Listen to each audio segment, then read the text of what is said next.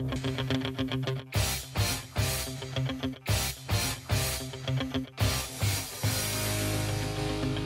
байцгаана уу? За манай Data Play podcast тавтай морил. Би AB байна. Уу? Би Уянган. За хэдүүлээ энэ дугаараараа саяхан хийгдсэн нэлээд сонирхолтой судалгааны талаар ярилцгаа бэлтгэлээ. Тэгээд за энэ хүү судалгаа маань Монголын нийгмийн үеийг тодорхойлсон судалгаагаа Sika компаниас хийгдсэн. За тэгээд энэ судалгааны талаар хэдүүлээ. Ерөнхийдөө одоо яг ямар байдлаар хийгдсэн, тэгээд үр дүн нь юу гарсан те цаашаад одоо яаж шилжиж байгаа талаар нь хэдүүлээ ярилцъя. Энэ судалгааг ерөнхийдөө хийхдээ санаа нь яаж төрсэн бэ? Тэгээд яагаад хийхээр болсон бэ гэдгийг би зэрэглэсэн байсан бай тээ.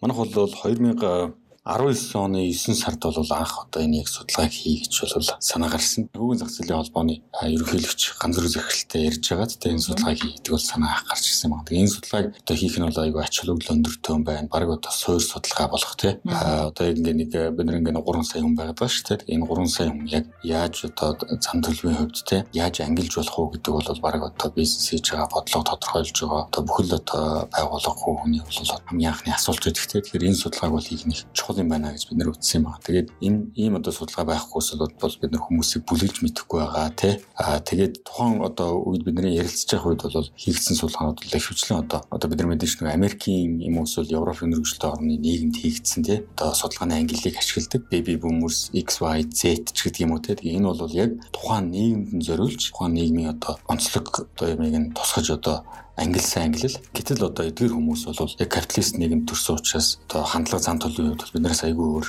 Одоо тухайлбал X ерөнхий сайд хэлжсэн л да би baby boomer болохоороо гэж те. Яг үндэ тэр хүн бол baby boomer байх боломжгүй. Яг тэгвэл тэр хүн Монгол төрсөн, социалист нийгэм төрсөн те. Гэтэл яг тэр одоо хүний хэлж байгаагаар бол baby boomer гэдэг бол яг Америкийн нэгдсэн улс тэр капиталист нийгэмд те 1950 60 онд төрсөн хүн гэсэн үг л дээ. Тэгэхээр аа тэгээ энэ энэ энэ одоо ойлголтыг бид нар ер нь яг бид нар яг энэ baby boomers X Y Z тэр явах юм уу эсвэл одоо монголчуудын үеийг одоо яг манай орны онцлогт те наазын солихруулж тодорхойлох үгээс тэгээ санаа гарсан. Тэгэхээр энэ судалгаа маань төвөр судалгаа байгаа. Тэгэхээр энэ одоо судалгаа төвөр байдлаар хийхдээ одоо ямар байдлаар мэдээлэл цуглуулсан бэ? Тэгээ нийт одоо хичнээн хүн оролцсон тухай тавч ярил. За арга зүйн хувьд бол нийт Монгол улсын 1218 хүнээс бид нар мэдээлэл цуглуулсан. За тэгээд яг нөгөө таблетээр те мэдээлэл цуглуулсан байгаа. Тэгээд Улаанбаатар болон Хөдөөгийн хоёр аймагаас мэдээлэл цуглуулалт хийсэн. А тодорхойлох үзүүлэлтийн хувьд бол одоо өмнө дандаа хэрэглээ талаас нь судалгаанууд хийгдсэн байдаг. Тэгэхээр энэ удаа бид бол яг илүү бүр зан төлөв рүү буюу одоо behavior те энэ тал руу илүү судлахыг бол зорьсон байна. За тэгээ энэ чиглэлд бол улс төрийн хандлага, нийгмийн үзэл, хандлага, ихтгэл үнэмшил, ёс суртахууны баримжаа, хэрэглээ гэсэн ерөнхий таван чиглэлд бол судалж гаргасан байгаа. Яг гоо сонсогчд маань хэрэв өмнөх дугааруудыг сонссон бол бид нар солон зэрхэн боловсруулах уу, төвөрлөлт яаж хийх үү, бидний ярьсан зүйлийн нэг тийм тод жишээ болж байгаа. Тэгэхээр одоо нийт 1218 хүнээс мэдээлэл цуглуулсан гэлээ төвөрлөлтөө ер нь бол яаж хийсэн бэ судалгаа хийхдээ. Өмнөх дугаарууд дээр бид нөгөө ярьсан төвөрлөлт аргуудаас мэдээж яг энэ судалгаанд бол одоо хэрглэж яасан байгаа. Тэгэхээр яг төвөрлөлтөн дээр гол анхаарсан юм бол бид нөгөө нэг үеүүдийг ингээ үзэж байгаа учраас нөгөө нэгдүгürt нөгөө насны бүлэг айгуу тийм чигтгэн байх хэрэгтэй байсан. Одоо 18 настай дэдүүн 19 настай ч гэх юм уу те. А нөгөө тал Монгол улсын ингээ төлөөллийг үзэж байгаа учраас Улаанбаатар хот болоод хөдөөгийн төлөөлөлтэй гэдгийг бол чигд одоо айл болох оруулах талаар нь анхаарсан. Тэгэхээр түүрийн аргийнхаа хувьд бол санамсаргүй түүрийн аргаар хийсэн. Нөгөө нас болоод орон нутг хөдөө тэр нь толгуурлаа санамсаргүй түүрийн аргаар бодохоор 1218 гэсэн гарч байгаа. Тэгээд эндээс бол э, бид нар бол одоо санамсруу учраас тэгээд э, насны бүлгээр нь тийм ингээд нөгөө судалгаагаа санамсруу яваад ингээд бүглүүлнэ гэсэн үг шүү дээ тийм. Тэгэхээр аль болох нөгөө чиг төвөрлөлт. Тэнгүүд нөгөө зарим насны бүглгүүд ингээд одоо гүйцэд ирнэ шүү дээ. За одоо ч 18 настай тэдэн хүн байх хэрэгтэй бол тэдний хөдөө болоод Улаанбаатар хаан төлөөлөл нэг болоод эхлэнгүүд тэрийг бол илүү дутуу байгаа насныхаа хүмүүсийг тийм гүйцээж авах байдлаар ингээд чигд хувирлалтай мэдээлэл цуглуулах дараа анхаарсан гэсэн. Тэгээ та бас түрүүнд дурсан нөгөө таблетын таблет ашиглаа бид мэдээлэл цуглуулсан гэх тий. Гэтэ тэгэхээр нөгөө таблет ашигласан ч гэсэн яг бид нэг асуудал хандаж заалж зохих хэвээр. Тийм тэгэхээр яг энэ төрлийн судалгаа ялангуяа одоо нөгөө зан төлөвийг судалсан ийм хөдөө төрлийн судалгаан дээр асуудлын хуудас зохиход яг анхаарах зүйлс юу вэ? Тэгээд асуудлын хуудасаа ер нь ямар байдлаар боловсруулсан бэ? За тэгэхээр энэ нөгөө яг зан төлөв рүүгээ ингээд одоо фокуслаад одоо хийж байгаа болохоор ерөнхийдөө өмнө бол хийгдээгүй. За тэгэхээр бид нар нөгөө арга зүйгээ айгүй сайн хөгжүүлж гаргаж ирэх хэрэг гарч байгаа. Тэгээд арга зүй гарч ирсний дараа бол бид нар бол нөгөө асуулгын хуудасаа тодорхойлно. Тэгэхээр одоо яг онлын хувьд те үе гэдэг яг юу гэсэн үг юм бэ гэдгээс нь ахвал одоо бид нар судалж байгаа юм л да. Тэгээд зан төлөвийн хувьд бид нар ямар ямар үзүүлэлтийг одоо зан төлөв талаас нь буулгаж болох юм бэ гэдгээ ингээд судлах. Тэгэхээр энэ баг бид нар арга зүй дээр бараг 3 сар судалгаа хийж ярилцсан. Монголд хийсэн болон гадаад хийсэн судалгаануудыг одоо яасан уншсан гэсэн үг шүү дээ. Тийм гэсэн үг тийм. Баримтчгийн хүрээнд тэгээ онлын ойлголтуудаа судлаад те тэгээ тэрийг яаж болох уу гэд. Тэгээд энэ нөгөө ер нь нэг ингээд судалгаа аягуулсан хийгдэхийн тулд бол нөгөө арга зүй аягуул сайн байх хэрэгтэй. Тэгээд өмнө хийгдэжсэн бол нөгөө арга зүй байгаа гэсэн үг одоо арга нь ингээд байгаа. Ерөнхийдөө аргууд боловсронгуй болсон бол харьцангуй гээд гайгүй байдаг. Анх хийж байгаа судалгаанууд бол нэлээд ажиллагаа шаардлагатай. Яг арга зүгээ хөгжүүлэх дээр бол бид нар нэлийн одоо бүтээлчээр бол ажиллах хэрэгтэй байдаг. Тэгээд дараа нь бол асамжтай ажилласан. За тухайлбал одоо бид нар нэг үеийг одоо юу гэж ойлгох вэ гэхээр үе гэдгийг ер нь яаж тодорхойлдог ингээл асуултаас эхэлж байгаа. Тэгэхээр одоо 1928 онд одоо гаргасан Германы Карл Манхайм гэдэг эрдэмтэн байдаг юм социологийн чиглэлийн. Тэгээд энэ хүн бол бол үеийг тодорхойлохдоо юу гэсэн юу гэсэн бэ гэхээр өсвөр насндаа юм уу залуу байхад нь тэгээ нийгмийн ижил одоо үйл явдлууд ингээд тохиолдохоор тэр хүмүүсийн үзэл бодол ингээд тогтох, зан төлөв тогтох, хандлага тогтоход нь бол аюу их нөлөөлдөг гэж үздэг юм. Тэгэхээр үйл явдал гэдэг нь бол дайн байлдаан ч юм уу те хувьсгал, эдийн засгийн хямрал, байгалийн гамшигч гэдэг юм уу. Одоо ийм үйл явдлууд тухайлбал дэлхийн 2 дугаар дайн ч гэдэг юм уу те энэ өөрөө яг тухайн 2 дугаар дайны үе дараах үед яаж нөлөөлсөн тэр үеийн үзэл бодол те аа ч гэдэг юм уу зарим нэгэн одоо том өсгөлнж байдаг юм уу те. Одоо жишээлбэл өнөөдөр бол бас айгу бид нэг тийм том одоо үйл явдал биднэрт бол тохиолж байгаа нь ковид 19-ийн одоо цар тахал тий. Өмнө нь бол бид нар энэ цар тахал вирус гэдэг нэг төдийлөн сонирхдаггүй байсан бол одоо энэ яг одоо өсвөр наснда байгаа болоод яг залуу наснда 30-аас өмнө наснда тий 25-аас өмнө наснда байгаа хүмүүст бол энэ маш хүчтэй нөлөөлж байгаа. Одоо нэг 10 настай хүүхдэнт бол хөөх нь одоо яг юунаас болоод би энэ сургуультай явахгүй бараг жил болчихоо тий гэдгийг бол насан туршид амьдралдаа хийж мартахгүй. Одоо энэ үйл явдлыг тэгээ энэ болохоор тэр хүмүүсийн нэг одоо хандлагат нь нөлөөлөд А энийг одоо яг ижил насандаа байгаа тэрийг ижил нөлөөлөл авсан хүмүүс нэг үеийг одоо хандлагыг бүрдүүлнэ гэж үзэж байгаа юм л да. Тухайлбал одоо эрүүл мэндтэй вирус, халдвар төвчин, цар тахалж гэдэг юм уу те энэ ойлголтууд бол одоо бидний дараагийн үеийнхэнд бол маш хүчтэй нөлөөлнө гэсэн. За тэгэхээр энэ үүднээс ингээ харахаар бол манай оронд одоо жишээ нь яг ямар үйл явдал гол ингээ тохиолдож байгаа юм бол 1990 оны нөгөө системийн өөрчлөлт байгаа. Тэгэхээр энэ өөрчлөлт бол одоо бидний үе бол өршлөгдөхэд бол маш хүчтэй нөлөөлсөн одоо хамгийн одоо гол том үйл явдал байгаа. Тэгэхээр одоо тухайлбал 90 90 онд бол 40 настай хүнд нэг өөрөөр нөлөөлнө те. Энэ яг энэ өөрчлөгдөж байгаа байдал нь а 25 настай хүнд нэг өөрөөр 10 настай хүнд нэг өөрөөр а яг энийг хараагүй хүмүүс нэг өөрөөр те. Гих мэтчлийн ингээд өөрөөр нөлөөлөл үзүүлдэг гэсэн үг л дээ. Тэгэхээр судалгааны ашиглалт бол ерөнхийдөө одоо яг Монголын үеүүдийг тэгээ хонд нь яг яаж алах уу яг хэдээс хэдэн оны үеийнх нь ямар шин чанартай юм гэдгийг ерөнхийдөө тодорхойлох гэж ойлгож байгаа үү? Тий. Одоо тэр Америкийн ч юм ингээ гаргасан XYZ-ийг бол нэгдүгээр бид нар бол хэрэглэх тохиромжгүй ягаад гэвэл Z гэдэг байгаа Монгол хүн Z гэдэг байгаа Америк хүнээс айгүй өөр гэж хэлдэг юм л да. Бидний нөгөө ихний нөгөө таамаглал маань болохоор Америкчуудаас бид нэр өөр гэдэг юм лээ одоо батлахыг хичээсэн тийм. Аа за хоёр дахь таамаглал маань хэрвээ Америкчуудаас өөр юм бол биднэрт одоо үеүдэ яаж ангилах юм бэ? Тэгээд яг ямар одоо яаж тодорхойлох юм бэ гэдэг төр бол одоо төвлөрч ажилласан гэсэн. Тэгэхээр тэр нөгөө эхлээд ер нь бол ингээд улс улс ч юм уу тий одоо нөгөө байршлын хувьд одоо хүмүүсийн тэр үед нөөр гэсэн нэг тийм үдэ тамаг байгаа даа шүү дээ тий. Жишээлбэл Монгол хувьд тэгэхээр энэ дээр одоо бусад улсуудаар дээр ус орон дээр хийдчихсэн тийм жишээнтэй байдаг уу? Тэр бусад одоо улс орнд түр нөгөө 1928 оноос хойш ахвал үеийг аягүй их судалж эхэлсэн юм байна л да. Ер нь 20 дугаар зуунд бол үеийг бол одоо судалсан аягүй олон судалгаанууд байгаа. Тэгээд олон улс өндөр хөгжлийн орнууд бол үедээ бол янз янзаар судалсан байгаад байгаа. Тэгээд манад бол яг энэ төрлийн судалгаа байхгүй. Аа тэгэхээр одоо жишээ нэгдүгээр одоо хамглаа бид нар ингээд бидний монголчууд бол одоо өндөр Европын өндөр хөгжилтэй орнуудаас өөрөө гэдэг дээр бол бид нэг олон улсын Pew Research гэдэг судалгааны байгууллага гэдэг ингээд тэдний хийсэн одоо судалгааны үр дүнтэй өөрсдөө судалгааг харьцуулаад тэгэхээр одоо тухайлбал юу үзэж байгаа гэхээр тэнд бол одоо яг орчин үеийн глобал сэдв те бидний одоо яг хандлагыг тодорхойлж байгаа нь одоо хэд хэдэн сэдвүүд байна л да. Тухайлбал одоо гэрлэлт марихуаны хэрэглээ уур амьсгалын өөрчлөлтөнд хэрхэн хариулт одоо хариулж байгаа гэх юм уу те. Тэгэхээр эндээс бид нар бол тэр гэрлэлт марихуан хоёрыг нь бол сонгоод ингээ хандлагыг нь бол харьцуулж үзсэн байна. Гэрлэлт гэдэг нь одоо нэг ижил ижил үсний гэрэлттэй тэр одоо ижил үсний гэрэлт бол одоо ихэнх орон өндөр хүчтэй орнууд бол хуулиараа зөвшөөрөөд яваад байгаа шүү дээ жил жилээр. А манад одоо одоо тэр орнууд бол хөвчлэн одоо 60 70% 80% ингээд хүлээн зөвшөөрөөд тэгээ тэр нь бүр хууль нь батлагдах хэмжээнд хүртэл нийгмээр хүлээн зөвшөөрч байгаа. А манад бол одоо жишээ нь ижил үсний гэрэлт бол одоо бараг 10 хүрэхгүй хувьтай тий. А марихуаны хэрэглээ тийм одоо хуульчлах асуудал бас ингээд 10 хүрэхгүй хувьтай ингээд байж байгаа чинь. Тэгэхээр энэ өөрөө яаж байгаа юм бэ гэхээр бидний ерөнхийдөө энэ одоо глобал дэлхийн хэмжээний юм ойлголтууд дээр бол бид нэр ингээд хандлагын хувьд бол тэс өөрөө бол харуулж байгаа. Тэгээ энэгээр бол бид нар одоо юу гэж дүгнжлэх вэ гэхээр бид нар бол өндөр хүчлтэй орнуудын өөр байна тий. Behavior-ийн хандлагын хувьд бол өөр байна гэсэн дүгэлтэж болж байгаа. Тийм. Тэгэхээр яг энэ чиглэлүүд ялангуяа нөгөө ижил хүсний гэрлэлтэй марихуаны хэрэглээ энийг одоо одоо legal гэдэг штэ тий болгож болох үсгийн бол нэлийн ач холбогдолтой тийм юу санагддаг. Одоо ярилцах хэрэгтэй зүйлүүд. Гэхдээ Монголын хувьд нэлийн хаалттай байгаад байдаг санагдаж байна тий. Аа тэгэхээр сая болохоор хэдүүлээ нэгдүгээр ач холбогдлын талаар байлаа. Тэгэхээр хоёрдугаар ач холбогдол маань яг э, юу байгаа вэ? Аа. За тийм хоёр одоо зорилго бол ерөнхийдөө нэг уюутай ангилах те. Тэгэхээр энэ дээр бол бид нар яг судалгаагаар зөвлөсөн 1218 оны онос авсан судалгааны одоо тоо баримт дээр нь бол бид нар өмнө бас яг ижил төстэй асуумжууд нь бас нэлээд ингээд давхардж болохоор те 7500 орчим бас юм судалгааны төвөр төр үндэслээд ингээд ерөнхийдөө ингээд нөгөө shift ингээ юм харахаар бол бид нар бол 1964 оноос өмнөх социалист хандлагатай одоо социалист үеийнхэн тий 65-аас 82 он төрсэн одоо завсрын үеийнхэн а одоо энэ хүмүүс бол яг 90 онд бол яг хамгийн ном 25 та тий 8-аас 25 настай одоо өсвөр насндаа болоод залуу насндаа байсан юм хүмүүс байсан гэсэн үг л тий. Тэгээ завсрын үеийнхэн за дараа нь бол 1983-аас 94 онд төрсэн одоо шилжилтийн үеийнхэн гэж нэрлэж байгаа. Яг одоо юуг бол тэр шилжилтийн үеийг мдээгүй тий.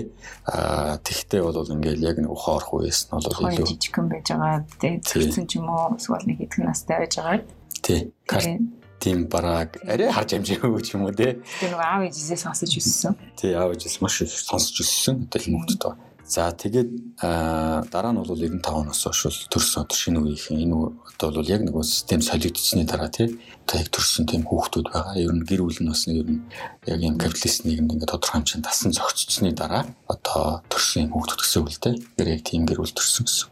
Тэгэхээр судалгаа маань ерөнхийдөө бараг нийтдээ 8 700 орчим бараг дата point ашигласан гэж болох нь шүү дээ. Тий гэсэн. Нэг судалгаа ихээр тийм. Ахаа тэгэхээр яг одоо сая бол ингээд дөрвөн үндсэн үеийг ингээд тодорхойлчлаа. Тэгэхээр энэ үе тус бүр дээр ер нь нэг тийм онцгой шин чанар ч юм уу те зам төлөв яг юу вэ? Аа.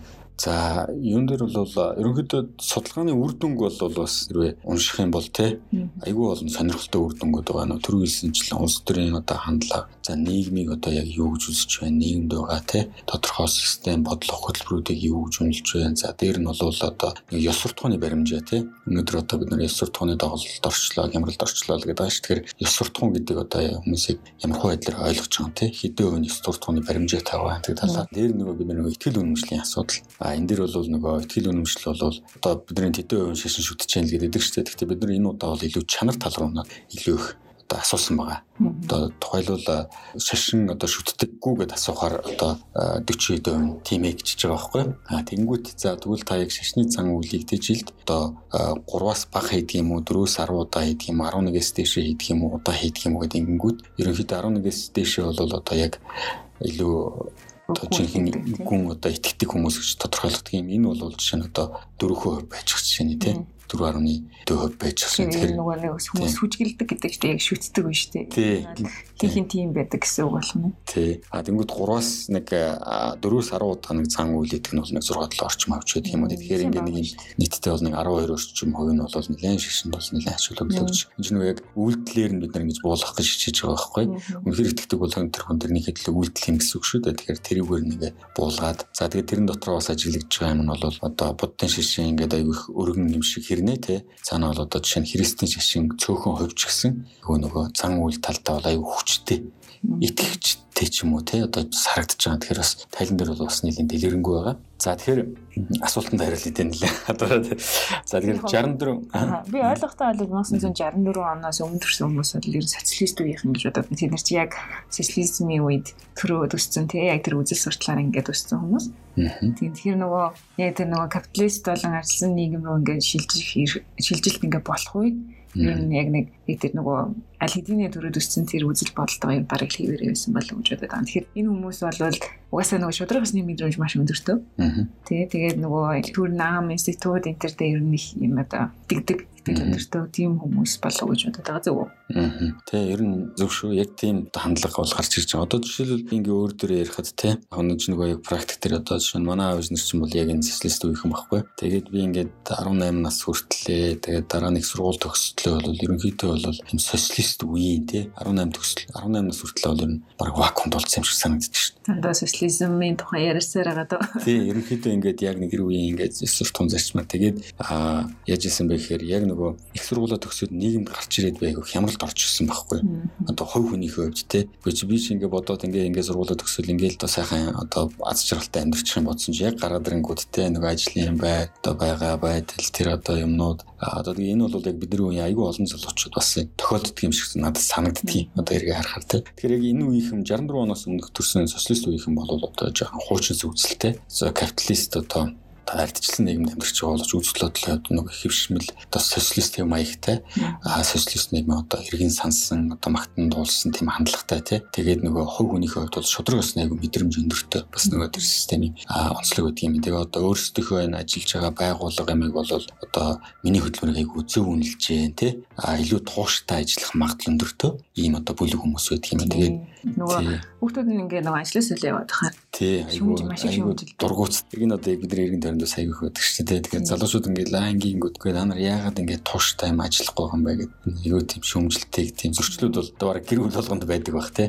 Тэгээд нөгөө төр нам одоо тийм институтд бол итгэх итгэл айгүй өндөртэй. За улс орны ирээдүйд бол их сайн сайхан болно гэдэгт бас нэлийн өөдрөг тийм үзэлтэй итгэл өнөмжтэй юм одоо үе байгаа. Тийм 1965-аас 82 оны яхан одоо ямар хаа завсрын үе гэж тодорхойл тий. За энэ бол завсрын үе гэж тодорхойлж байгаа. Энэ бол яг түрүү хэлсэнчлэн яг нөгөө 8-аас 25 настай залуучууд. Тэгээд э, өмнөх социалист үе бол маш хүчтэй нөлөөсөн энэ үед бол тэгээд харьцангуй одоо залуу боловч бодлын хувьд бол одоо либерал одоо тийм чиг баримжаа өсөлттэй. Одоо яг эднэрийг ингээ залуу байх үед чинь л яг нөгөө юуны 90 он болвол тий ингээл өөрчлөгдсөн гэсэн үг шүү дээ ер нь. Тийм. Тэгэхээр ер нь бол нөлөөлөл нэлийн өндөр байсан байх гэж би бодод байна. Тийм. Гэр бүлээсээ бол айгүй стресс нөлөөлөл айгүй ихтэй тий. А нийгэмдэр бол тавцас одоо нийгэмд ингээд тасан зохицох гэж амьдрах тийм хэрэглээ бол нэлийн өндөртэй тий. Тэгээ энэ үеийнхэнд бол одоо глобал одоо дэлхийн хэмжээний үзэл бодлууд хандлагууд бол бас төлөвшөж харах хэмжээг байгаа.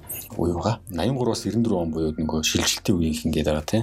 Энэ үе бол одоо өмнөх хоёр үетэй харьцуулахад бол илүү шинэ үеийнхэнтэй илүү төстэй одоо энэ сошиал медиа янз юмны хэрэглээ айгүй ихтэй маш их мэдээлэл дунд байдаг тий. Аа тэгээд үзэл бодлын хувьд бол арчилсан капиталист чиг баримжаа илүү хүчтэй одоо суусан. За шинэ үеийг бодвол ирээдүйд итгэх итгэл илүү хүчтэй. За тэгээд энэ сошиал медиа интернет орчноос илүү их мэдээлэл авдаг. Нилээн одоо оппортунист хандлагатай тий. Оппортунист гэдэг нь бол илүү одоо одоо амиа бодсон тий та ямар нэгэн байдлаар ашиг хонжоо эрэлхийлсэн те ямар нэгэн харилцаанаас ч юм уу энэ тал руугаа анхаардаг гэсэн үг л те одоо яг нөгөө багаар ажиллах те тэр тал руугаа чинь султаа гэсэн үг. За тэгээд 95 оноос хойш төрсэн одоо шинэ үеийнхэн бол одоо цэвэр капиталист арсан нэгэн төрсэн. За хувь хүний эрх чөлөөний мэдрэмж бол нэлээд өндөртэй. За тэгээ байгууллага бишүүлээ өөртөө их итгэдэг те. Одоо ажил төрлөө хурдан сольдог коммитмент их одоо багтай. Тэгээд одоо ажил хөдөлмөр нь бол намайг шударгаар одоо өнгөлөхгүй байна энэ гэж илүү үзэх хандлагатай тий өөрсдийн одоо тийм дур одоо юу гэдгийг тийм хүсэл сонирхлоо илүү их дагсан юм хандлагатай. Тэгээд дижитал бол одоо сошиал хэрэглээ аяг өндөртэй. Аа тэгээд нэг юм үзэл бодлын хувьд бол илүү баруунчсан, глобалчлагдсан юм үе байгаа. Тэгээд багаар ажиллах чадварын хувьд бол бас төдийлөн сайн биш. Тийм. Үе бол нэг нөгөө сүүлийн үед ялангуяа нөгөө захирлууд нэлээ их гомдлоод байгаа энэ санагдаад байгаа нөгөө энэ шинэ үеийнхэн ерөөс ажил дээрээ тэгээж тогтохгүй байна гэд тий.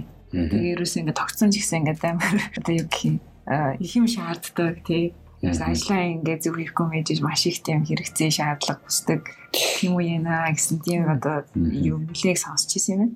Яг нэг тийм тянач та ер нь бол айгүй тийм эн чинь нөгөө нэг юм одоо чинь улс их орны эдийн засаг гэдэг чинь ингээ нэг штэ тий. Тэгээ тэрэн дотор байгаа тэр эдийн засгийн боломж дотор ингээ компаниуд өөрөө тэгээ бидний ингээ одоо өөр өөрсдийн арга барилаар ингээ хөгжөө явж байгаа тий. Тэнгүүд ингээ шин залуу ингээ яг хөдөлмөрийн юм дээр ингээ гараад ирэнгүүт одоо хандлага юуны хувьд бол айгүй зэрэг үүсэж байгаа байхгүй. Тэгээд яг одоо тэдний одоо тэр номон дээр үздэг шиг тий. Одоо өндөр хөгжилтэй орны тийм одоо байгууллага шиг энэ төр байх боломж бол манад бол харьцангуй хомс шүү дээ. Ерөнхийдөө олон компаниуд те а тэгэнгүүт л энэ дээр бол ингээд айгүй зөрөө байгаа юм шиг. Тэгээ бас бодны нөгөө уюутын зөрөө өсчиж магадгүй. Одоо зарим их захирлууд чинь тэр нөгөө завсрын үеийнхэн байгаа шүү дээ. Янгууд одоо ингээд 95-аас хойш чинь шинэ үеийнхэн болоод ирэхээр ингээд би бинийхээ юу ингээд ойлгохгүй ч юм уу те. Тэр яг үзэл бодлын зөрчил нэлээд өсөж байгаа. Завсрын үеийнхэн бол одоо багаараа ажиллаж ийж бид нар ингээд юм төрнийч гэх юм уу те. Нөгөө өсөл болохоор одоо ингээд би ингээд бүдий чадна гэлээ. Би ингээд юм. Тэгтээ яг нөгөө шинэ үеийнхнийгээ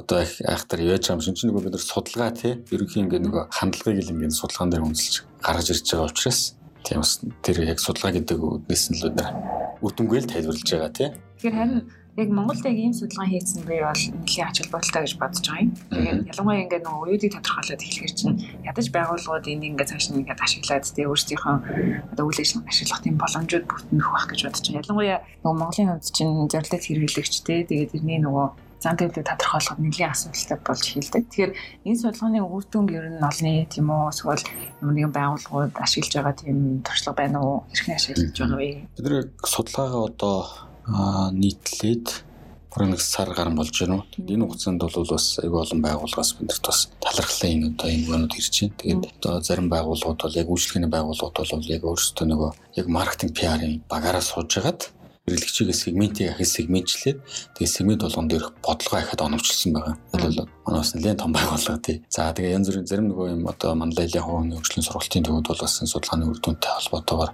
контент агуулга юмнуудаа өөрчилж байгаа юм байна. А бас нэг сүүлийн үед бас нэг сүүлд нэг гарсан нэг тийм нөгөө зээлийн аппликейшн байгаа шүү дээ. Тэр аппликейшн бол бас нөгөө хүмүүсийн зээлжих credibility-г тодорхойлохдоо тий бас яг энэ үеүүд дээр ингэж тулгуурлаж бас нөгөө сегмент нэг одоо хувьсгч нь болгож ингэж ашигласан байх жишээ. Саяхан болсон бас нэг боловсролын реформ гэх нэг конференс болсон. Энэ дээр бол бас оролцсон бол бас шүтээсийн тууцсан дарга баха. Би буруу санааг бол тэгээд тэр хүн бол бас оролцож байхдаа бол бас яг манай судлаа бол аягүй сайн судалгаа болсон байна гэд. Тэгээд тэр конференц дээр бол бас ярьсан гэсэн нэг тэрний даваа дараа нь бол нөгөө гаднаас хүмүүс оролцож ирсэн тэр хүмүүст бол бас нэр судалгаагаа орчуулж явуулсан байгаа. Тийм тэгээд гих мэтлэн бол нэлээд одоо хэрэглэгдэж байгаа. Тэгээд энд өшөө бас ингээ янз янзын дрip FM радиогоос ч гэсэн болон одоо энэтэй холбоотой юмнууд бол бас ирж байгаа. Талархлууд ирж байгаа. Тэгэхээр бас нэлээд хэрэгтэй судалгаа болцсон болов уу гэж бодоод байгаа шүү дээ. Би бас яг тэгж бодож байгаа. Ер нь нэлээд ач холбогдолтой үр дүнтэй судалгаа болсон байх гэж бодож байгаа. Тэгэхээр түрүүн та ярьлаа нөгөө судалгаагаа олон нийтэд нээлттэй ойлгосон гэх тээ. Тэгэхээр хэрүү одоо яг энэ судалгаа бүтнээр нь уншия гэж бодож байгаа хүмүүс ч юм уу сонирхсан хүмүүс ер нь судалгаа каноос ирхэн болж танилцж байна. За энэ судалгаа бол бид нөгөө одоо нийгмийн хариуцлагынхаа хүрээнд ингээд өөрсдөө санхүүжлээд ингээд нүгүү ингээд олон нийтэд ингээ гаргасан байна. Манай компани бас нэг үжүүлсэн нэг Datamon гэдэг платформ байгаа байхгүй. Datamon.in гэдэг. Энэ дэр бол бид нэр үнэгүй байршуулсан байгаа. Тэгэхээр энэ бол энэ платформ руу ороод бүтгүүлээд тэгээд судалгаа татаад унших боломжтой. За тэгэхээр Өнөөдрийн дугаар маань энэ хүрээд өндөрлж байна. Үнэхээр сонирхолтой одоо маш одоо сонирхолтой судалгааны үр дүн ярилцсан би зөвхөлтэй баярлалаа. Хэдийгээр манай ко-хост ч гэсэн тий. За тийм уянgadаа бас баярлалаа. Энэ удаагийн дугаар таалагдсан гэдэг итгэлтэй байна. За тэгээд дараагийн дугаараараа уулзлаа баяртай. За за тэгээд дараагийн дугаараар хоёлоо бас гоё юм ярина тий. Гоё юм бэлтгэж байгаа тэгээд. За тэгээд э, баярлалаа. Дараагийн дугаараар дахин уулзлаа баяртай сонсогчдоо.